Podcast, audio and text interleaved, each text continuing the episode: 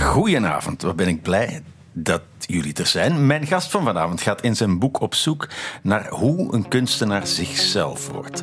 Wat gaat er vooraf aan het succes? De overzichtstentoonstellingen en de koffiemokken in de giftshop. Joris Escher reconstrueert een verleden en stuk voor stuk zal de puzzel in elkaar vallen. En laat een puzzel nu net een sleutelstuk zijn in je verhaal. Joris Escher, welkom. Dank. Voorproevers. Joris Escher, jouw boek Escher Worden begint met een levendige autobiografische uh, scène. Iets uit je eigen leven. Je vindt in een self-storage unit een hoop oude lakdozen, maar één is wel heel bijzonder. Ja, het begint eigenlijk met mijn overgrootvader, die waterbouwkundig ingenieur was en adviseur van de, van de keizerlijke regering in Japan. En die heeft allerlei uh, geschenken gekregen uh, toen hij daar werkte. Waaronder een hoop lakdozen. En daar heb je er veel van die allemaal ingelegd zijn met parelmoer en, en gebroken kwarteleitjes en zo. Maar deze was eigenlijk heel eenvoudig. De mm. bewuste lakdoos waar het over gaat, die ook op de voorkant van het boek staat. En ik opende hem en daar zaten allemaal driedimensionale ivoren spelletjes in. Mm. En um, wat er eigenlijk gebeurde is, ik zag die kruispuzzel, of wat die kruispuzzel had moeten zijn. En ik dacht, daar is iets mee. Daar heeft oom Mauk ooit iets mee gedaan. Ik noem hem oom Mauk, maar hij is de oom van mijn vader. Dus ja. bij ons thuis heette die oom Mauk. En het gaat over de Escher die we allemaal Escher noemen, hè? Ja. Ja. En uh, ik haalde uit die lactose haalde ik de verdieping met die, met die puzzeltjes. Mhm. En daaronder lagen een paar papieren, waaronder een, een ja, technisch tekenpapier, zo'n overtrekpapier, vergeeld. En het knisperde echt in mijn handen. Ik vouw het open en in zes vouwdelen waren eigenlijk zes prachtige tekeningen die samen de oplossing uh, in zes fases van die kruispuzzel uh, lieten zien. Ondertekend mm -hmm. met het monogram MCE. Dat altijd op alle prenten staat ja. van uh, Escher. Wat gaat er op zo'n moment door je heen? Nou, um, um, ja, ik dacht, ik dacht eigenlijk meteen, um, hier moet ik iets mee. Mm. Ik dacht eigenlijk meteen, dit is misschien een sleutel in de ontwikkeling van Escher als kunstenaar. Want, je, voor zo'n, want die, als je die tekening ziet, dan begrijp je dat je zo'n driedimensionaal voorstellingsvermogen moet hebben om dat te kunnen uh, doen, om ja. te kunnen zien, die volgorde. En dat binnenwerk met die ingewikkelde inkepingen, hoe dat in elkaar gaat passen. Het is alsof, alsof je schaakt op een driedimensionaal bord en zes uh, zetten vooruit eigenlijk. Hmm. Dus dat, uh, ik dacht, er, moest, daar, daar, moet, daar, daar moet iets mee zijn. En daarna vond ik daar ook verschillende bewijzen voor. Ja, daar gaan we het straks over hebben. Maar uh, wat ik heel mooi vond, je schrijft in je boek... toen ik de verdieping van die lakdoos eruit tilde... ademde ik misschien de lucht in die oom Mauk heeft uitgeademd. En dan komt die oom Mauk ineens heel dichtbij. Hè? Ja, nou, dat komt omdat... Um, die doos die kende ik niet. Al die andere lakdozen die kende ik wel. Dat waren een beetje van die pronkstukken. Maar deze, achteraf denk ik dat die altijd op de, boven op de boekenkast van mijn vader stond. En ik weet zeker dat mijn vader niet geïnteresseerd was in dat ding. En dat hij nooit ge geweten heeft dat er iets in die geheime bodem lag. Dus het is. Uh, uh, um, ik weet dat die, er zaten ook tekeningen in van mijn overgrootvader, dus de vader van Mauk. Die ingenieur was in Japan. Dus ja, er waren precies. dan meer uh, ja, ingenieurstekeningen. Ja, nee, nee, dat waren ook tekeningen van, van andere puzzels. Oh. Ja, je hebt ook een kubuspuzzel. Dat zijn stukjes, allemaal onregelmatige hoeken die samen precies in het, in het doosje in een kubusvorm kunnen. Mhm. Mm -hmm. En dat is ontzettend ge, gepiel om dat erin te krijgen. Het kan ook bijna niet, maar hij heeft Laat het staan helemaal, om het te tekenen. Hij heeft het helemaal getekend. Ja, ja dus het is driedimensionaal. Dan moet je op twee mensen zetten. Nou, dan zit je al een beetje waar je met, met Escher op uitkomt. Maar ik wist dus dat ze samen hadden zitten tekenen. En mijn overgrootvader is in 1939 op zijn uh, 96ste uh, overleden. Ja. Toen is die doos dus kennelijk naar mijn grootvader gegaan. De broer van Mauk. Mhm. Mm -hmm. Totaal onterecht. Want mijn grootvader was ook gewoon een, een, een... Hij was een, laten we zeggen, een dichter die twee bundeltjes heeft gepubliceerd. Um, een alfaman. Ja. ja. Niet als een alfa-mail, maar een, van alfa en beta. Oké. Okay. ik ken niet, ken niet zoveel alfa-mail dichters, eerlijk gezegd. Nee. dus, um, um, Dus hij was eigenlijk verkeerd terechtgekomen, die doos. Dus die heeft eh, heel lang eh, is die niet bekeken. Totdat hij uit, inderdaad uit een verhuisdoos in de Shergard in Ja. Rotterdam Alexanderpolder naar, naar voren kwam. En ik hem opendeed. Ja, hoe aanwezig was hij eigenlijk in jullie familie in het dagelijks leven? Nou, zijn portret, dus een portret dat op het eind van zijn leven is gemaakt van Ina Hoofd. In het Rosa Spierhuis, eh, bejaardenhuis voor, voor oude kunstenaars en wetenschappers. Zijn portret hing altijd boven aan de trap. Dus als ik van mijn kamertje naar beneden liep, dan kwam ik altijd langs hem. En mijn vader is eh, ehm, vaak uitgenodigd om lezingen over hem te geven, omdat, omdat hij eigenlijk dichtstbij zijn familielid was dat eh, in Nederland woonde. Mijn vader en George, dus Mauk's oudste zoon, zijn regelmatig, of nou, in ieder geval twee keer uitgenodigd om naar Japan te gaan. Om daar nog waterwerken en andere eh, ontwerpen van mijn, van mijn overgrootvader, die werden, waren ge- gerenoveerd of gerestaureerd, daar de, die eh, opnieuw te openen, de linten te knippen. Dus Japan speelde, mijn overgrootvader, die werd GA genoemd, die speelde, Mauk speelde. En ja, elke eh, tweede, derde persoon die ik tegenkom, Vraagt, ben je familie? van? vraagt: ben je familie van? Want het is eigenlijk een Zwitserse achternaam, geloof ik. Hè? ja. Ja, Ja. ja. als je, eh, eh, nu heb je geen telefoonboeken meer, maar als je in, eh, ik heb wel eens in Zurich in het telefoonboek gekeken, dan heb je echt vijf bladzijden met Eschers. Ja, daar heb je ook de Escherwiesplatz, een, een plein, heel bekend. Ja, maar hier is er maar één eh, familie met twee takken, dat wel. Maar eh eh, Eschers eh, die eh, verbouwen essen eigenlijk. Ja, Ja. oké. Ehm, Dus dat het met hout te maken heeft, is wel toepasselijk. Want hij was een houtsnijder. ja, was het de ontdekking van die tekeningen in die doos die ervoor gezorgd hebben dat je een onderzoek wilde gaan doen naar het vroege leven? Ja, Van precies. Escher? precies. Ja. Ik voelde eigenlijk met die doos, met die tekening, met die veronderstelling... is dit de eh, sleutel in zijn ontwikkeling als kunstenaar... voelde ik in eerste instantie een soort opdracht. Een soort van, dit, ik ben dit verschuldigd. Ik kan dit niet weglaten van alle mensen die houden van eh Escher... en ook niet van de familie. Hier moet ik iets mee. Dus toen ben ik het gaan onderzoeken, inderdaad. Dus en, en daar ben ik op. eh, en dat was niet zo heel moeilijk, want mijn overgrootvader. Die heeft eh, zijn eh, levensschets achtergelaten in 61 cahiers. Mooi. ja, dus waarvan je dus het hele spoor kan terugvinden van die doos. Ehm, maar er waren wel een aantal rare dingen mee. Bijvoorbeeld waarom. Ik dacht, eh, eh, dus je ziet aan die doos dat, het kind, aan, dat, helemaal afgesleten is. Er zit in zo'n Bilbo spel, dus een balletje vang. Dat je een balletje op een stokje moet, eh, moet opvangen. Dus kinderen hebben ermee gespeeld. Hij is afgesleten aan de randen. Ja. Dat is uit, die, die Veel gebruikt geweest. verdiep, ja, veel gebruikt geweest. Maar die tekening is uit 1927 en toen was hij al 29. En eh, woonde in Italië. Ja. En toen heeft hij dus eh, eh, met zijn vader zitten tekenen. En dat, dus hij heeft, op verschillende momenten in zijn leven is die puzzel belangrijk geweest. Mhm. Laten we eens beginnen bij het begin. Hij wordt geboren, Maurits, in een niet onbemiddeld gezin. Hè? Japan is heel belangrijk in het gezin. Vader was ingenieur. Hij is een beetje een fragiele jongen ook. Moet naar het sanatorium. Ja.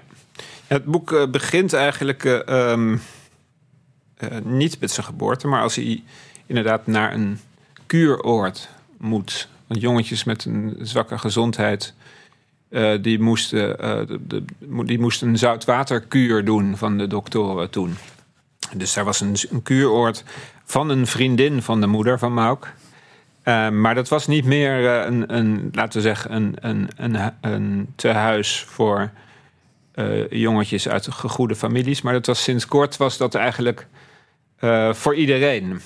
Dus hij werd ook, eh, hij was niet alleen ziek daar. ehm, en vond die, die, die koude baden in Zandvoort ook vreselijk. Maar hij werd ook nog een beetje ge- Gepest. gepest Ja. ja. Omdat hij natuurlijk een beetje een eh, kakkertje was. Ja, en zijn, zijn moeder erkende ook dat hij anders was dan, dan andere jongens. Ze zei van, ik, ik heb misschien eindelijk een kind dat graag naar musea gaat. Ja, Ja, dat vond Ja. ik wel mooi. En dan gaan ze naar het museum. Eh, eh, moeder kijkt eh, mee naar een schilderij. Ze snapt er weinig van, schrijf je. Ze begint linksboven en zal waarschijnlijk rechtsonder eindigen. Het gaat om het middenpaneel. Dat ziet toch iedereen?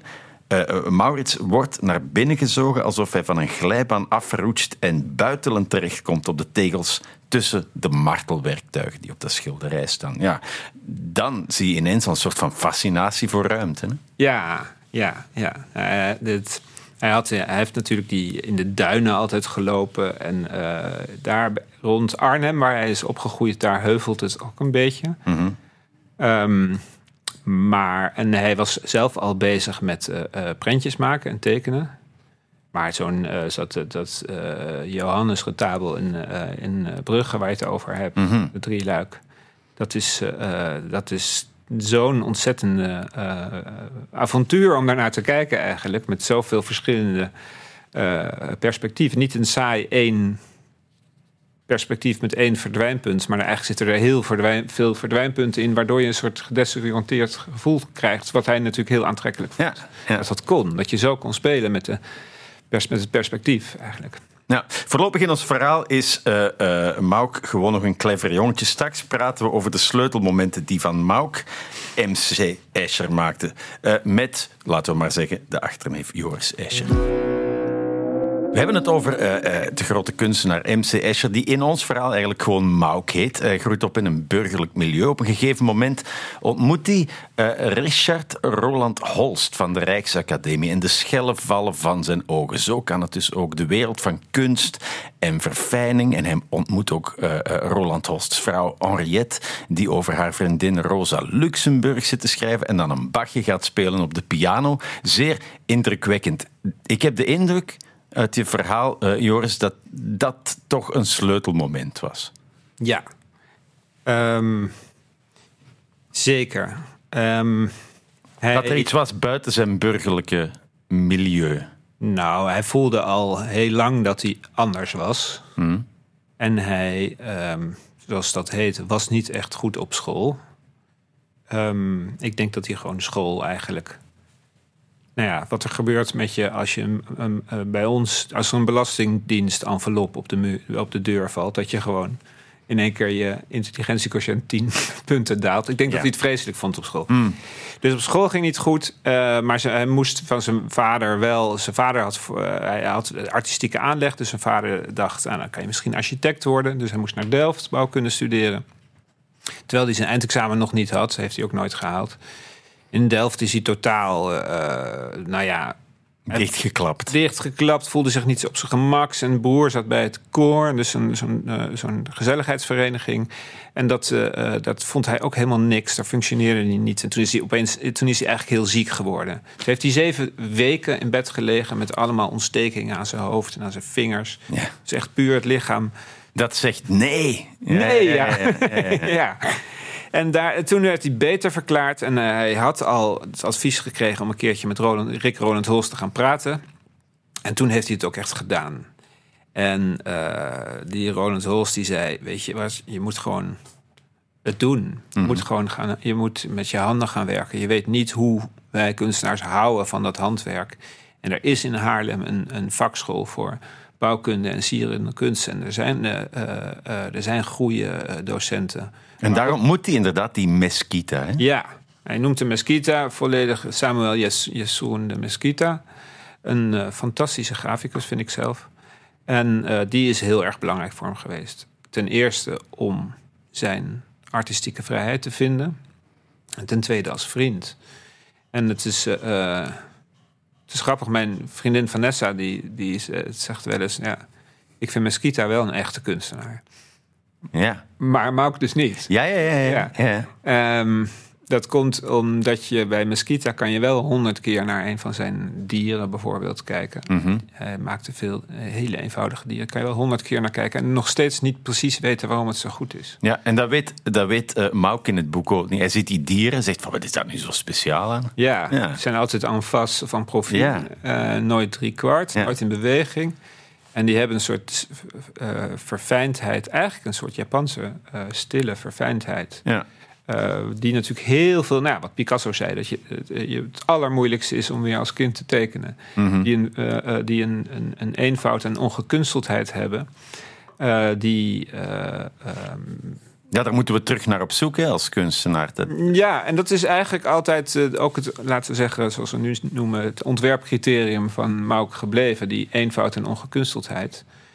En hij had vaak als hij tekeningen of beelden in zijn hoofd had in zijn latere leven, dat hij heel lang bezig was om, om, om uit te vogelen hoe hij het op zijn eenvoudigst kon neerzetten. Nu, die Mesquita herkent in zijn eh, eh, leerling ook wel een bijzondere eh, tekenaar. Daarom misschien niet onmiddellijk een groot kunstenaar, maar hij zegt van, ik heb jou eigenlijk niet zo heel veel te leren. En wil, wil, hem, wil hem stimuleren om verder te gaan in zijn kunst, maar tegelijkertijd zegt hij van, kijk, misschien moet je eh, toegepaste ontwerpen maken, moet je eh, textiel ontwerpen of zo. Ja, het was een vakschool. En die leidde op tot ofwel illustrator, ofwel inderdaad. in, toen had je de gemeenschapskunst. Hè? Eh, en dat is een belangrijk onderscheid tussen gemeenschapkunst, dus de, de kunst die, die een functie heeft. eh, eh, dat is de toegepaste kunst, de sierkunsten. En de avant-garde. Ja. En hij was duidelijk niet de eh, avant-garde, maar hij wilde wel vrij kunstenaar worden. Maar dat was niet eigenlijk waar hij voor opgeleid was op die school. Hij zou daar eh, hij zou, eh, inderdaad stoffen kunnen gaan ontwerpen of eh, ehm, illustrator worden of eh, Ja. eh, anderszins eh, technisch tekenaar. Maar hij koos ervoor om vrij kunstenaar te zijn. En Mesquita heeft eigenlijk ervoor gezorgd dat hij zich echt ging afvragen: wat is dan die vrijheid, die artistieke vrijheid? Ja. En we, we vergeten ook dat vrije kunstenaar worden in zijn milieu niet, ook niet evident was. Hè? Ehm, nee, dat is, dus aan de ene kant was het een, eh, eh, laten we zeggen, ge- goede burgerij. Ja. Dus het is niet, niet van het geld verdienen, maar wel. ehm, zijn vader was dus ingenieur. Ehm, ehm, zijn grootvader zat in de politiek. De andere grootvader was eh, eh, eh, marine, was vice-admiraal geworden. Dus het zijn allemaal geen geldverdieners, maar er was wel geld. En het is een burgerlijk milieu natuurlijk, dat, waarin kunst wel als consumptieartikel wordt gebruikt. Ja. Maar daar ga je daar, daar Je wenst het je zo niet toe. je wenst het je Nee. zo niet toe. Nu goed, er is wel geld en eh, hij heeft eigenlijk een best een mooi leventje. Gaat op Mediterranee-tour met een, met een vriendinnetje. En dat vond ik heel mooi. Zij zegt op een bepaald moment... Jij bent verliefd, maar niet op mij. Je bent verliefd op San Gimignano, op Toscane, op Italië. Het Zuid-Italiaanse landschap interesseerde mij hoofdzakelijk. Niet zozeer het Italiaanse landschap in het algemeen, maar de, eh, de Moorse invloeden, die broodjesdaken bijvoorbeeld. eh, samen met, met rotspartijen eh, was dat eh, boeiend. Waarom? Ja, dat weet ik niet. Eh, het, heeft niks met, met renaissance te maken of met barok. Eh, ik heb in Rome gewoond, twaalf jaar, en de architectuur van Rome op zichzelf heeft me nooit eigenlijk veel gezegd. Omdat die veel te renaissancistisch en te, dan te barok was. Ja, een enorme passie voor het Italiaanse landschap. En het inspireert hem ook eh, enorm als kunstenaar. Hij besluit echt naar Italië te gaan. Waarom? Nou, in ehm, Haarlem voelde hij zich ook niet zo op zijn gemak. Ehm, hij had een goede band met Mesquita, maar het was natuurlijk. eh, eh, hij had er nauwelijks vrienden. En ehm, hij zat in een soort die, nou, gemeenschapskunstschool. Gemeenschapskunst is de Nederlandse of misschien ook de Vlaamse evenknie van, van de Art Nouveau en de Arts and Crafts Movement. En dat was meer een socialistisch eh, eh, bolwerk. Ehm, ik zeg het is een van de redenen hoor. En dat eh, avant-garde was meer, laten we zeggen, een liberaal bolwerk. Ja. Maar er waren meer redenen. Het, wij vonden het gewoon saai en het. En het was romantischer in Italië. Nee, hij was gewoon echt depressief. In, in, hij voelde zich echt Ah, ja. slecht en hij worstelde met wat hij noemde het seksuele vraagstuk. Ja. Hij was echt slecht met, met, met meisjes, met vrouwen. Mhm. En ehm, hij had zelf ook vier broers, dus hij had ook nooit vrouwen in zijn leven gehad. En ehm, hij schreef een, eh, een, een stuk over de dans macabre, de dodendans in de kunst. Mhm. En eigenlijk zeiden zijn vrienden en eh, zijn ouders ook, er moet iets met hem. Dus zijn ouders hebben hem meegenomen naar, op een tien weken durende reis door Zuid-Frankrijk en Italië. Italië dan vooral Florence en Ja. Venetië.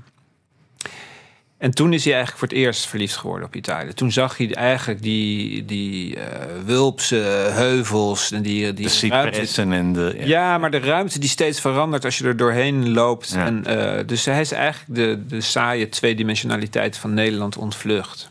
ja. En hij heeft het in Italië gevonden. Ja, heeft het, het, heeft het ook echt getroffen met zijn ouders. Hè? Ze geven hem een toelage. Hij mag eh, iets later ook nog eh, verder reizen naar Spanje en Italië. Eh, en hij krijgt ook nog goede raad van zijn, zijn leermeester Mesquita. Dat, dat vond ik ook heel mooi. Een lijn, als je tekent, mag niet toevallig zijn, maar evenmin versteend. Denk aan de Chinese meester met de haan. Welk verhaal is dat?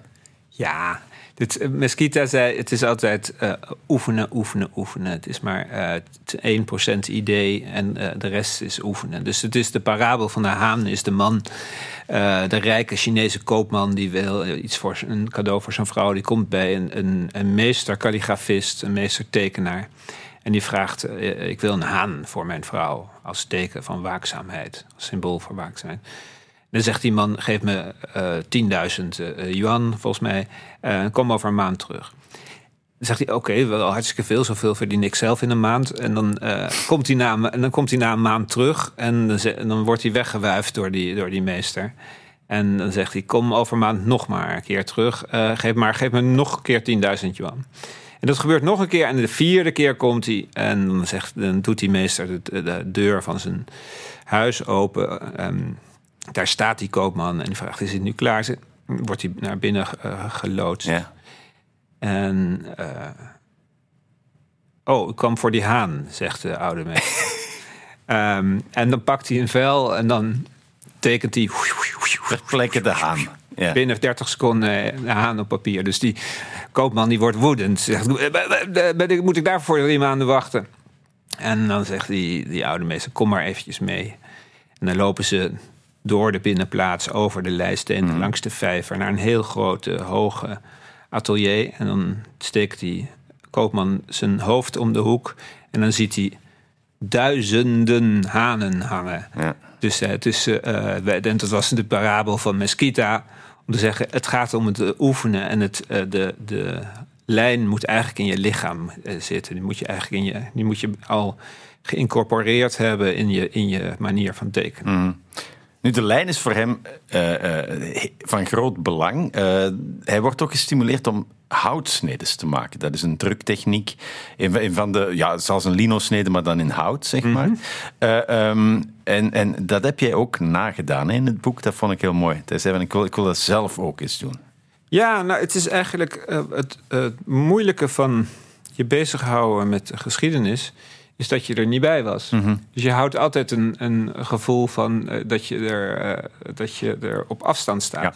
En ondanks dat er ontzettende goede bronnen waren, mooie brieven van, eh van Mauk aan mijn grootvader, aan zijn ouders, aan zijn kinderen. Waardoor ik heel goed ontdekken, kon ontdekken wie hij was, hoe hij sprak en hoe zijn vader sprak en schreef. Ehm, ook die primaire bronnen die hielden uiteindelijk een, een beleefde en koele afstand. En wat ik wilde is eigenlijk met mijn handen begrijpen wat zijn handen hadden begrepen, gedaan. En daarom ben ik gaan hout snijden. Ja. Om te begrijpen die tijd in, in Haarlem. En die tijd. Nou, ook dat het houtsnijden, eh, zijn beroep, zijn obsessie eigenlijk, heeft, is ook misschien wel, of eigenlijk wel zeker een soort wig geweest in het huwelijk van Mauke en zijn latere vrouw Jetta. Dus ik wilde begrijpen wat dat deed, dat, dat met je, wat het met je doet, dat, dat houtsnijden. Dan, dan vertraagt alles ineens. Hè? Want je moet, je moet heel nauwkeurig de tekening die je op het hout hebt gezet Ja. volgen. Eén uitschieter maakt eigenlijk de houtsnede al kapot. Ja, en dat geeft ook een beetje aan hoe anders hij was dan de, zijn, dan de andere kunstenaars toen. Die eigenlijk veel meer wat toen. De Ja. avant-garde was spontaan Ja. en intuïtief. en In die zin was hij in de verkeerde tijd geboren, zou je kunnen zeggen. Ja, ja, ja. En eh, ja, hij was in de verkeerde. Dat, dat zou je kunnen zeggen. Hij was in ieder geval. En toen was hij al een, een, een eenling. Ja, ehm, wacht, hè. we gaan even eh, terug naar eh, ehm, Italië, hè, waar Ja. hij is. met de opkomst van Mussolini is hij daar ook, maakt hij Ja. mee. En op een gegeven moment ontmoet hij dan toch eindelijk, de jongens, Hollandse jongen ontmoet een werelds meisje en haar familie en ja, schoorvoetend worden ze verliefd. Ja. Ehm, dat is in, eh, eh, op de eh, Peninsula Sorrentina, of de Amalfi-kust wordt ook wel genoemd. Hij ontmoet Giulietta. Ja, hij ontmoet Giulietta, heeft haar net ontmoet. En ehm, ze, twee weken geleden, um, zij lopen, gaan trekken samen de bergen in. En eh, hij neemt haar mee op zijn strooptochten, zoals hij het noemt, zoals hij de wandelingen noemt, eh, naar zijn tekenplaatsen. Dan ga ik nu een stukje voorlezen Oké, wat er dan gebeurt. ja, Het is ongeveer één bladzijde. doe het. Twee weken na hun eerste dag samen zitten ze al vrij vroeg op een steen in de bergen. Ze kijken uit op het dorpje Atrani en de zee. Mauk geeft haar zijn veldfles. Ze neemt gulzig een slok. Hij ziet kleine zweetdruppeltjes op haar bovenlip. Mauk neemt zelf ook een slok. Hij heeft je zeker ook dat verhaal over de ratten verteld, vraagt ze hem. Wie? Je vader? Het is al een paar keer gebeurd dat ze een verhaal probeert te gaan vertellen, maar dan plotseling vervalt in stilzwijgen. Neem me niet kwalijk, zegt ze dan. Ze maakt wonderlijke aquarellen. Hij weet niet goed wat ze betekenen, maar die ochtend op de steen, als ze klaar is met haar werk, begint ze te vertellen. Ze schildert haar dromen. We lopen over straat, mijn zusjes en ik. En handig ontwijken wij de rijtuigen. We springen over de plassen, maar dan struikelt Nadia en ze valt lang uit met haar blauwe jurk in een modderplas. Ik wil haar oprapen uit de plas, maar ze zit er niet meer in. Ze zit niet meer in de jurk. Ik pak de jurk voorzichtig uit de modder. Ze wijst op haar papier. Dan wordt hij door vader uit mijn handen gerukt en hij gooit hem in de vuilnisbak en trekt me boos mee naar huis. Maar ik weet niet wat hij moet zeggen. Voordat hij de stilte kan verbreken, spreekt ze verder. Vannacht had ik een droom die ik ook vaker heb. We moeten een bevroren rivier over. Daarachter, daarachter zijn de bossen en zijn we veilig. Maar mijn schoen zit los. Ik moet mijn schoen vastmaken, anders verlies ik hem en bevries mijn voet. Maar ik kan niet stil gaan staan, want dan raak ik vader en moeder kwijt tussen alle mensen. En ik struikel, ik lig met mijn neus in de vuile sneeuw en voel een hond in mijn nek snuffelen. Dan zet hij zijn tanden zachtjes in mijn nek, alsof hij aan het besluiten is of hij door gaat bijten of niet. Hij kijkt haar lang aan. Ze zit op een halve meter afstand, onbereikbaar. Weet je, zegt Mauk dan, ik heb vannacht nagedacht en wil je graag anders noemen dan je vader en moeder doen. Oh? Hij aarzelt even. Wat vind je van Jetta? Ze blijft hem aankijken alsof ze hem niet goed begrijpt. Jetta? Jetta. Jetta. Ze proeft de naam in haar mond. En? Ze knijpt haar ogen een moment half dicht, terwijl ze hem blijft aankijken. Is hij te ver gegaan? Graag. Ik wil dat je mij Jetta noemt. Jouw naam voor mij, mijn naam van jou. Dankjewel, Maurice, zegt ze zachtjes. Hij is zelf blij met Maurice. Alsof alles nieuw is. Ja, Maurice, inderdaad, classy. Eh, samen eh, gaan ze naar Rome. We hoorden het daarnet in het fragment. Twaalf jaar hebben ze daar gewoond. Eh, er komen ook kinderen van. Giorgio, Georgeke en Arthur. En, en hij heeft een, een goede deal gesloten met Jetta. Dat hij een, een, een paar weken per jaar in de natuur mag gaan tekenen. En die dan thuis de rest van het jaar uitwerkt. Ja, Dus hij maakt landschapstekeningen. Ja, en zijn, zijn Italiaanse tijd eh, ehm, kenmerkt zich door hele ruimtelijke, eh, inderdaad, eh, landschaps, landschappen. En dan is, het, dan is het meestal niet alleen het landschap, maar ook eigenlijk die Italiaanse borgo's die echt helemaal in het landschap opgaan. Ja, ja, ja. Alsof, alsof die uit, het, uit de stenen omhoog worden geduwd.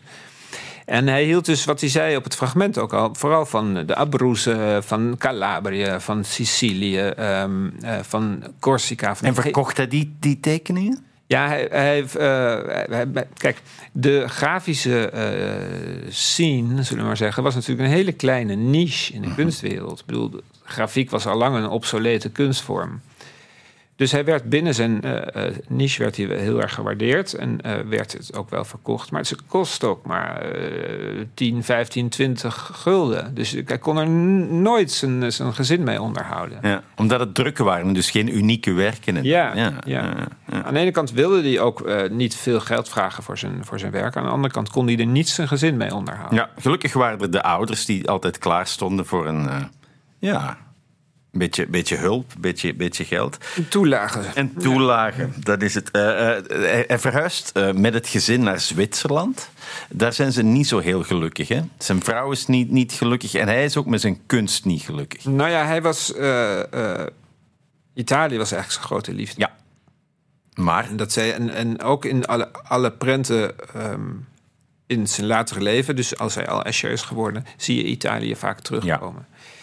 En in, eh, wat, er- maar wat er gebeurde in Italië, dat, dat, eh, Mussolini, Mussolini. kwam steeds verder op. Maar het was natuurlijk al vanaf het, moment, het eerste begin dat eh, toen Mauk voet aan land zette in Italië, toen was er net de Mars op Rome van Mussolini geweest in 1922. Maar in 1935 was, werd George 8 en ehm, toen moest hij bij de Balilla, de Mussolini-jeugd, ja. maar en zeggen. dan komt hij thuis, beschrijft hij heel mooi en zingt hij een, een, een, een marsliedje. Ja. En wordt hij heel, eh, Mauk heel boos van. Ja, en dan wordt hij heel boos van. En dan begrijpt hij eigenlijk dat het niet langer kan. Ja. Want hij vindt het, de- George vindt het leuk om bij die Balila te zijn. Ik bedoel, al zijn vriendjes zitten daarbij. Ja. Dus dan moeten ze weg. En dan gaan ze naar Zwitserland en dan, en dan daar is, ja, is niet hetzelfde, hè? nee, die Alpen die zijn, eh, die zijn echt, die zijn echt saai. dus, ehm, ik weet dat Schopenhauer had ook ontzettend te schreeuwt aan de Ja, ja, ja. Maar, eh, ehm, maar ook die vond die, die Alpen saai. En het is, eh, ik heb eh, in, in een brief van, van George ehm, aan een, een latere biograaf staat: ik heb mijn vader eigenlijk drie keer echt emotioneel gezien. Mhm. En dat was ten eerste toen ik de prent, toen, toen Mauk de prent Huisje in de Sneeuw in Zwitserland terugkreeg. Toen zijn vader overleed. En toen eh, hij het gebombardeerde Rotterdam zag. Ja. Ja, in Zwitserland vonden ze vreselijk. Dat, ze, eh, dat lijk, het, onder het witte lijkkleed zaten ze daar. Ja, en ook, ook het, de kunst vaart er ook niet wel bij. Je ziet op een gegeven moment een sneeuwlandschap dat hij getekend heeft. En hij zegt Ja. van, nee, dit, dit, hier moet ik mee ophouden. Ja. Hij besluit eh, de familie naar Brussel te verhuizen. De, de bruisende Brussel van toen. Ja, eerst gebeurt er nog iets belangrijks. Oh, vertel. Hij, hij denkt, ik moet, ik, mijn huwelijk gaat hier aan kapot. Ik ga, mijn, mijn, mijn, mijn kunstenaarschap gaat aan kapot. Ik moet iets verzinnen. En toen heeft hij aan, aan de Adria Shipping Company... heeft hij een voorstel gedaan dat ze eh, niet geweigerd hebben. Namelijk dat hij tekeningen van alle havenplaatsen... waar die, die, die hun vrachtboten aandeden eh, zou maken. En dat zij mochten kiezen als een soort reclameposters voor passagiers op Ja. vrachtschepen. Dus dan ging, begon hij in Fiume, heet dat? eh Requija nu, volgens mij. En eh, via Venetië, eh, Ancona, Malta, Napels, en helemaal tot Valencia rond.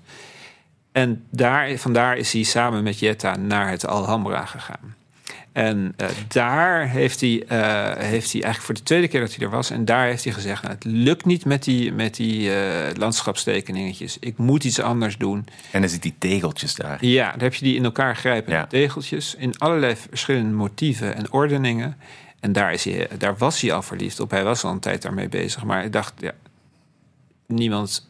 Dat is die sierkunst. Ze willen niet dat ik hier een beetje ambachtelijk bezig ben. Ik ga gewoon landschappen maken. Maar toen dacht hij, dit is wat ik echt wil.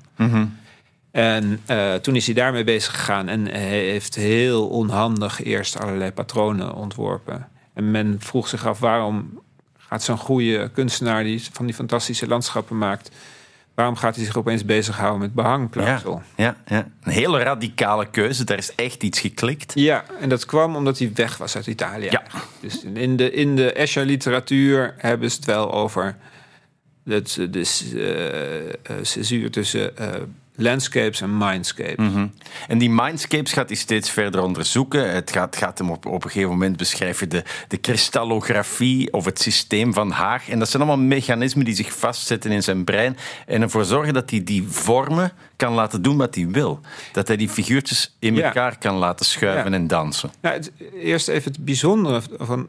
eh, kijk, het boek beschrijft eigenlijk. eh Mauk heeft geen voorgangers gehad en geen navolgers. Wat was nou die unieke samenloop van niet alleen eigenschappen, maar ook gebeurtenissen en toevalligheden die ervoor gezorgd hebben dat hij zo'n rare, zo'n aberratie in de uh, evolutie van de kunstgeschiedenis is geworden, Ja. zullen we maar zeggen. En een van die dingen daarvan was dat zijn broer kristallograaf was.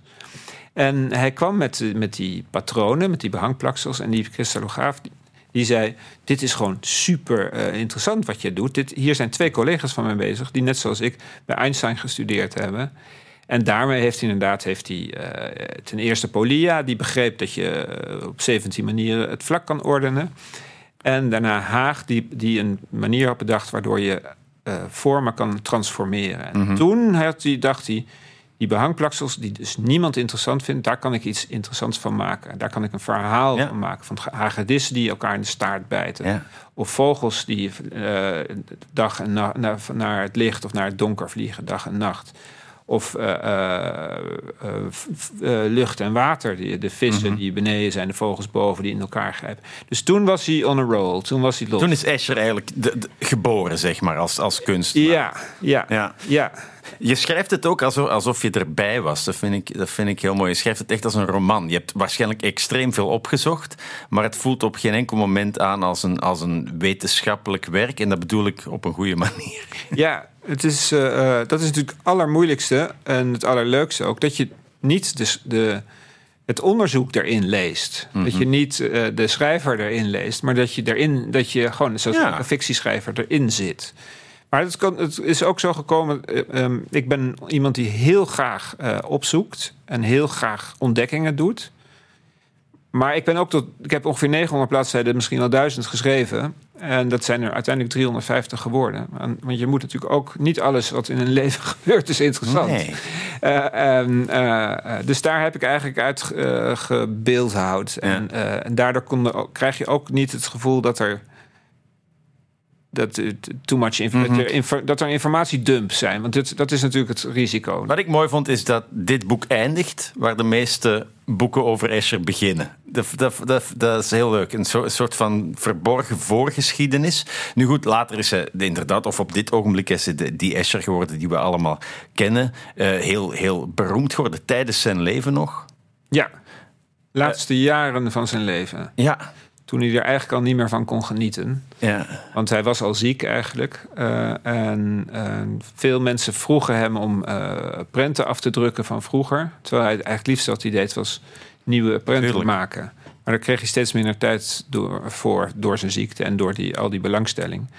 Dus hij, eh, die, de, van die roem heeft hij eigenlijk niet kunnen genieten. Mhm. En dat deed hem niks meer. Hij had eigenlijk 62 jaar zonder die roem geleefd. En dan, ja, Was hij verbitterd? nee. Nee. nee, hij hield gewoon heel erg van zijn werk. Ja. Dus hij, hij zegt, ik had nog wel een, nog een leven kunnen vullen met het maken van prenten. Nee, hij was niet verbitterd. Echt niet. Iedereen moest iets van hem ook in, in die laatste Op het fase. laatst, Nee, je hebt ja. inderdaad die, de, de hipsters die al zijn rare eh mindbending dingen Niet op hun Mick- platen willen zetten. Ja, maar niet alleen Mick Jagger, die, eh, die eh, heeft hij geweigerd. Maar ook Stanley Kubrick. Hij had gewoon mee kunnen doen. Hij was gevraagd als adviseur voor two- 2001 The Space Odyssey. Geen zin in. Eh, als adviseur Ja, ja, ja, voor de vierde dimensie. Ja. Nee, had hij, had hij, eh, eh, nee, hij wilde gewoon prenten maken. Ja, Mick Jagger vond ik ook mooi. Ik heb die brief gezien die hij geschreven had. Hij zei van, want Mick Jagger had hem als Maurits aangeschreven. Zegt, voor jou ben ik niet Maurits. Wat Beleefd zijn, jongeman. Ja, nee, voor je- nee, dat zei aan zijn manager. Zei, please tell Mr. Jagger that to him I'm not Maurits, but sincerely MC Escher. Ja, dat is, dat is wel echt klasse. Ehm, eh, heb, heb je het gevoel dat je hem beter hebt leren kennen? Ja, ja, ja. Ik, eh, eh, ik heb hem beter leren kennen. Het, ehm, kijk, een kunstenaar ontstaat natuurlijk vanuit zijn gevoel. En vanuit wat hij, wat hij, wat hij meemaakt, hoe hij daarop reageert. En door juist fictie te gebruiken, eigenlijk als onderzoeksmethode, door bijvoorbeeld Mesquita en maar ook bij elkaar rond een onderwerp te- te zetten, dan gebeuren er dingen die, ehm, die je niet verwacht, waardoor je hem leert kennen. Mhm. Eh, Joris Escher, ik heb je boek graag gelezen. Dank je wel voor je komst.